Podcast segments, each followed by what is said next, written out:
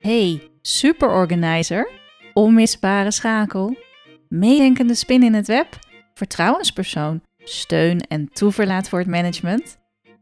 Geloof jij dat je elke werkdag plezier en voldoening kunt hebben van de professionele waarde die jij toevoegt en dat je aan het eind van de dag met energie weer naar huis terugkeert?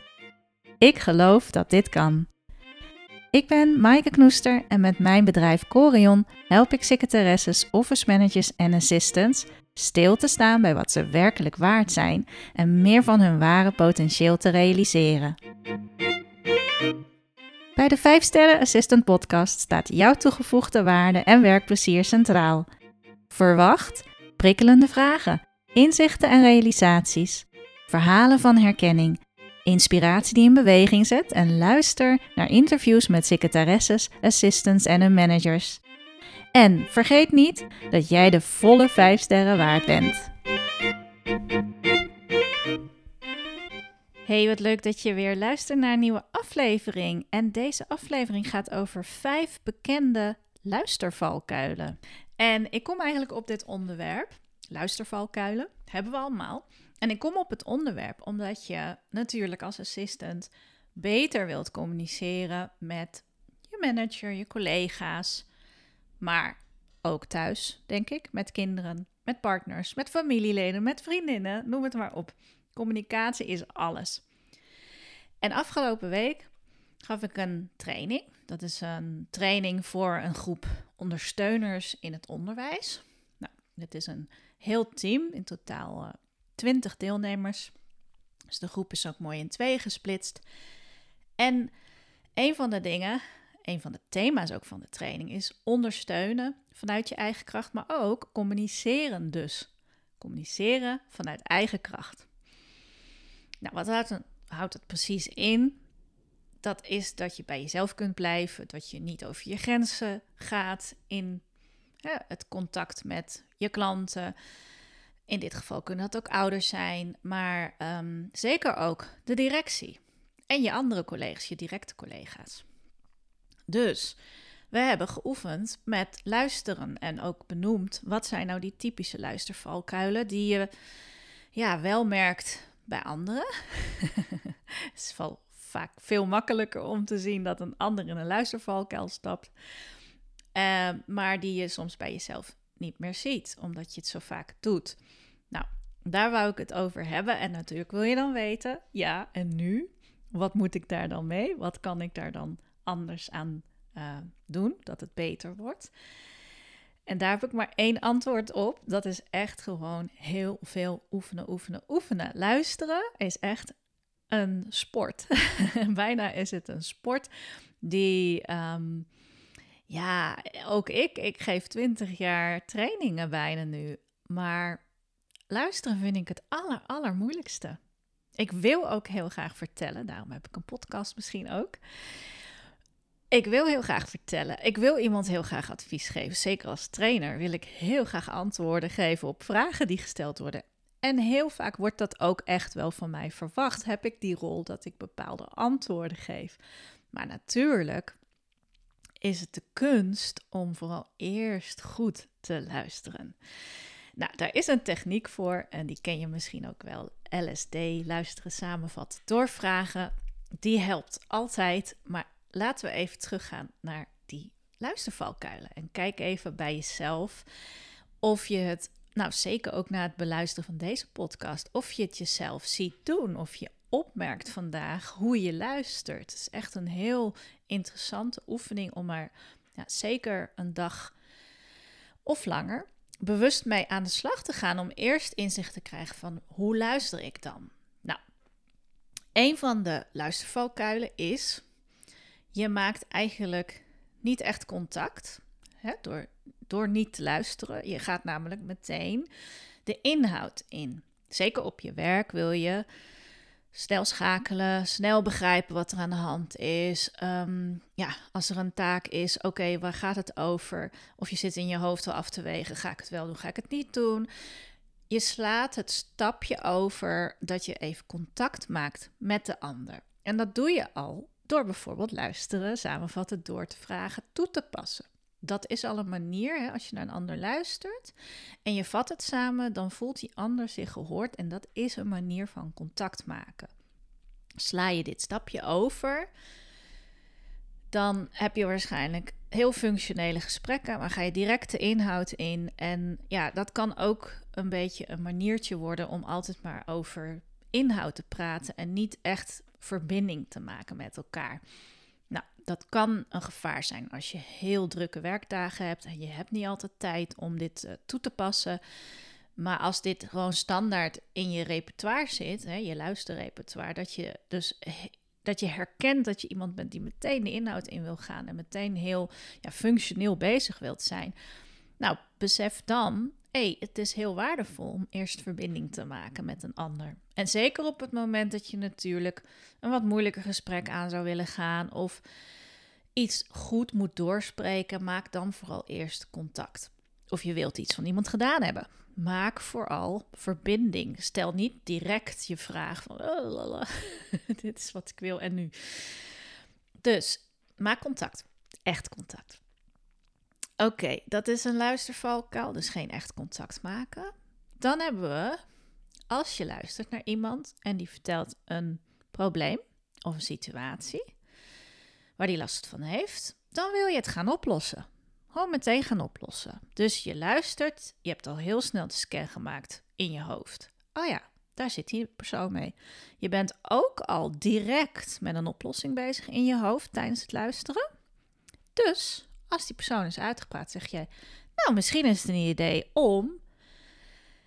En die ander voelt zich dus helemaal niet gehoord door je. Die ziet wel dat je met een goede intentie bezig bent om het probleem op te lossen, maar dat was niet wat die persoon in eerste instantie nodig had. Die wil namelijk haar of zijn verhaal aan je kwijt. Die wil het eerst vertellen en zich gehoord voelen. Dus direct oplossen. Nog een valkuil. Dan hebben we de valkuil van het autobiografisch luisteren. En wat houdt dat nu in? Nou, je kent het allemaal wel. Jij vertelt iets wat je hebt meegemaakt op een uitje, teambuildingsuitje, of op je werk of thuis. Of nou ja, je hebt gewoon iets meegemaakt. Je wil dat heel graag vertellen. Soms heb je echt ook een moeilijke situatie waar je over wilt vertellen. En jouw luisterpartner zegt: Oh ja, dat heb ik ook meegemaakt. Dat heb ik ook gehad. Ja, toen en toen en toen. En voor je het weet hoor je heel het verhaal vanuit die ander over jouw situatie, die totaal niet hetzelfde is. En die ander heeft kennelijk helemaal geen interesse in jouw verhaal, want die betrekt het meteen op zichzelf. Dus als je dat ook bij jezelf herkent, hè, dit klinkt natuurlijk nu heel lullig, want dan denk je, jeetje, waarom doen mensen dat nou? Je gaat toch niet zomaar dwars door iemands verhaal zitten? Maar dit doen we dus ongemerkt heel vaak wel, ook zelf. Dat een ander iets vertelt en toch ja, we gaan ermee aan de haal in ons eigen uh, belevingsveld. Dus wij willen onze ervaring hieraan koppelen. Dat willen we dan ook graag vertellen. Nou, dat is natuurlijk niet luisteren. en soms ben je het gewoon aan het invullen voor een ander met je eigen verhaal. Want je denkt, oh, dat heb ik ook eens meegemaakt. Maar dan heb je nog steeds niet geluisterd naar het echte verhaal. Dus autobiografisch luisteren is een van de moeilijkste dingen misschien om jezelf erop te betrappen, omdat het ook heel automatisch gaat. Maar je zult het wel merken als anderen het bij jou doen. dus dat voel je meteen, dat heb je vrij snel door van hé, hey, ik was hier aan het vertellen, het gaat niet over jou. en ehm, nog een valkuil is het gaan invullen voor een ander. Hè? Dus vandaar dat we ook wel de techniek van Nivea, eh, die ken je misschien ook uit andere trainingen, eerdere trainingen, niet invullen voor een ander. Dat je je potje wel uh, Nivea dus ofwel thuis laat of juist het toepast om het niet te doen. Het invullen voor een ander met jou, um, ja, gekleurde bril of je hebt al aannames gedaan en je vraagt even niet door of dat daadwerkelijk zo is. Dus het invullen voor een ander betekent soms zelfs dat je al weet dat een ander nee gaat zeggen op jouw voorstel. Dat is invullen voor een ander. Dat is aannemen dat die ander toch wel op het budget gaat letten en jou niet ehm, die opleiding gunt. Nee, je weet het antwoord al. Weet je wat? Je gaat het niet eens meer aan, dat gesprek. Dus je bent al bevooroordeeld. En zo kun je natuurlijk naar heel veel mensen luisteren. Dat je al bevooroordeeld bent door je aannames. Ook heel lastig om te ontdekken, want het is allemaal intern. Maar wel het niet invullen is echt super goed om vragen te stellen, om juiste informatie boven te halen, om echt goed te luisteren wat er wel wordt gezegd in plaats van wat er niet wordt gezegd en wat jij zelf invult. Soms een, een blik of een wenkbrauw. of uh, er wordt om, uh, rondgekeken van oeh, duurt dit nog lang of zo. Nee, het zijn allemaal non-verbale signalen dat iemand aan het oordelen is. Ik heb hier geen tijd voor. Oh nee, komt ze weer met zo'n verhaal. Ja, dit is even, ik bedoel, ik zeg niet dat dit dat dit de oordelen zijn die hier thuis uh, altijd op mij afgevuurd worden hoor. Dat is het niet. Maar het zijn heel herkenbare uh, stemmetjes die ja, jij en ik ook hebben. Dus wij kunnen ook een potje oordelen. Op de een of andere manier kunnen we oordelen gewoon super makkelijk. En is niet oordelen echt een kunst. Wat echt super fijn is overigens als je het wel beheerst. Dat je niet oordeelt.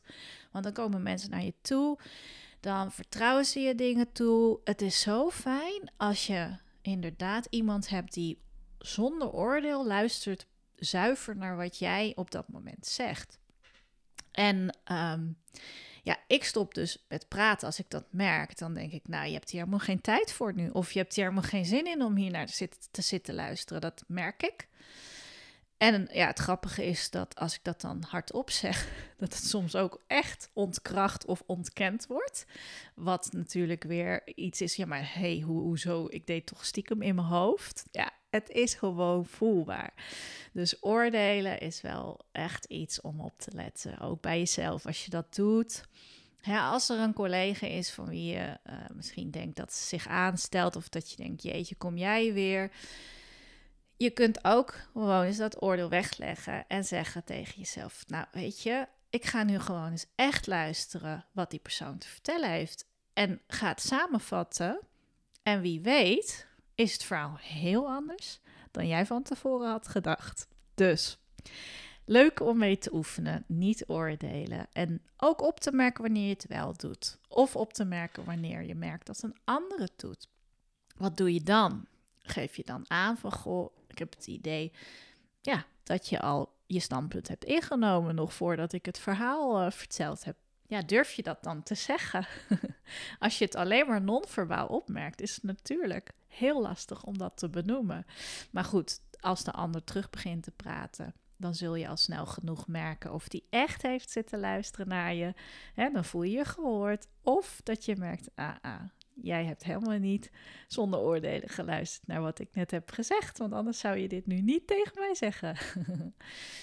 Heel interessant. Luistervalkuilen en uh, ja, de techniek om uh, die te voorkomen. Bewustwording is natuurlijk stap 1. Ik ben ook heel erg benieuwd of je nog andere luistervalkuilen hebt.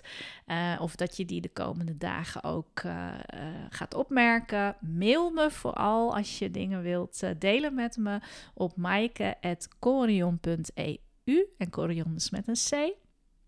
En natuurlijk je bent hartstikke welkom als je hierin wilt oefenen, als je hier training in wilt, als je hier coaching in wilt. Plan zeker een gesprek met me in. Mail me gewoon eens voor een uh, sparringssessie of een uh, kennismaking.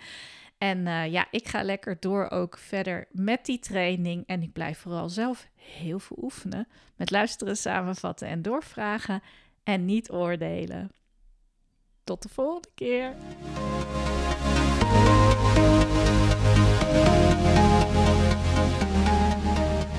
Hey, super dat je weer luisterde naar deze aflevering. En ik heb nog twee vragen voor je. De eerste is: wil je alsjeblieft een review voor uh, de 5 Sterren Assistant podcast achterlaten? Dat kunnen natuurlijk die 5 sterren zelf zijn, maar je kunt ook reviews schrijven.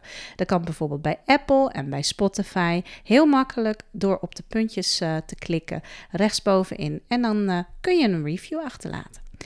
En de tweede is: wil je lid worden van de 5 Sterren Assistant community, die is er op Facebook. En daar ontmoet je andere 5 sterren assistants. Jullie kunnen delen met elkaar uh, vanuit de praktijk natuurlijk. Als er vragen zijn, als er mooie uh, artikelen zijn. Um, ik deel heel erg veel. Ik geef daar ook gratis content weg. Dus um, je bent hartstikke welkom. Dien een verzoek in via Facebook bij de 5 sterren assistant community. Ik stel je dan drie vragen en als je die beantwoord hebt, dan ben je lid. Lijkt me hartstikke leuk. Fijne dag verder.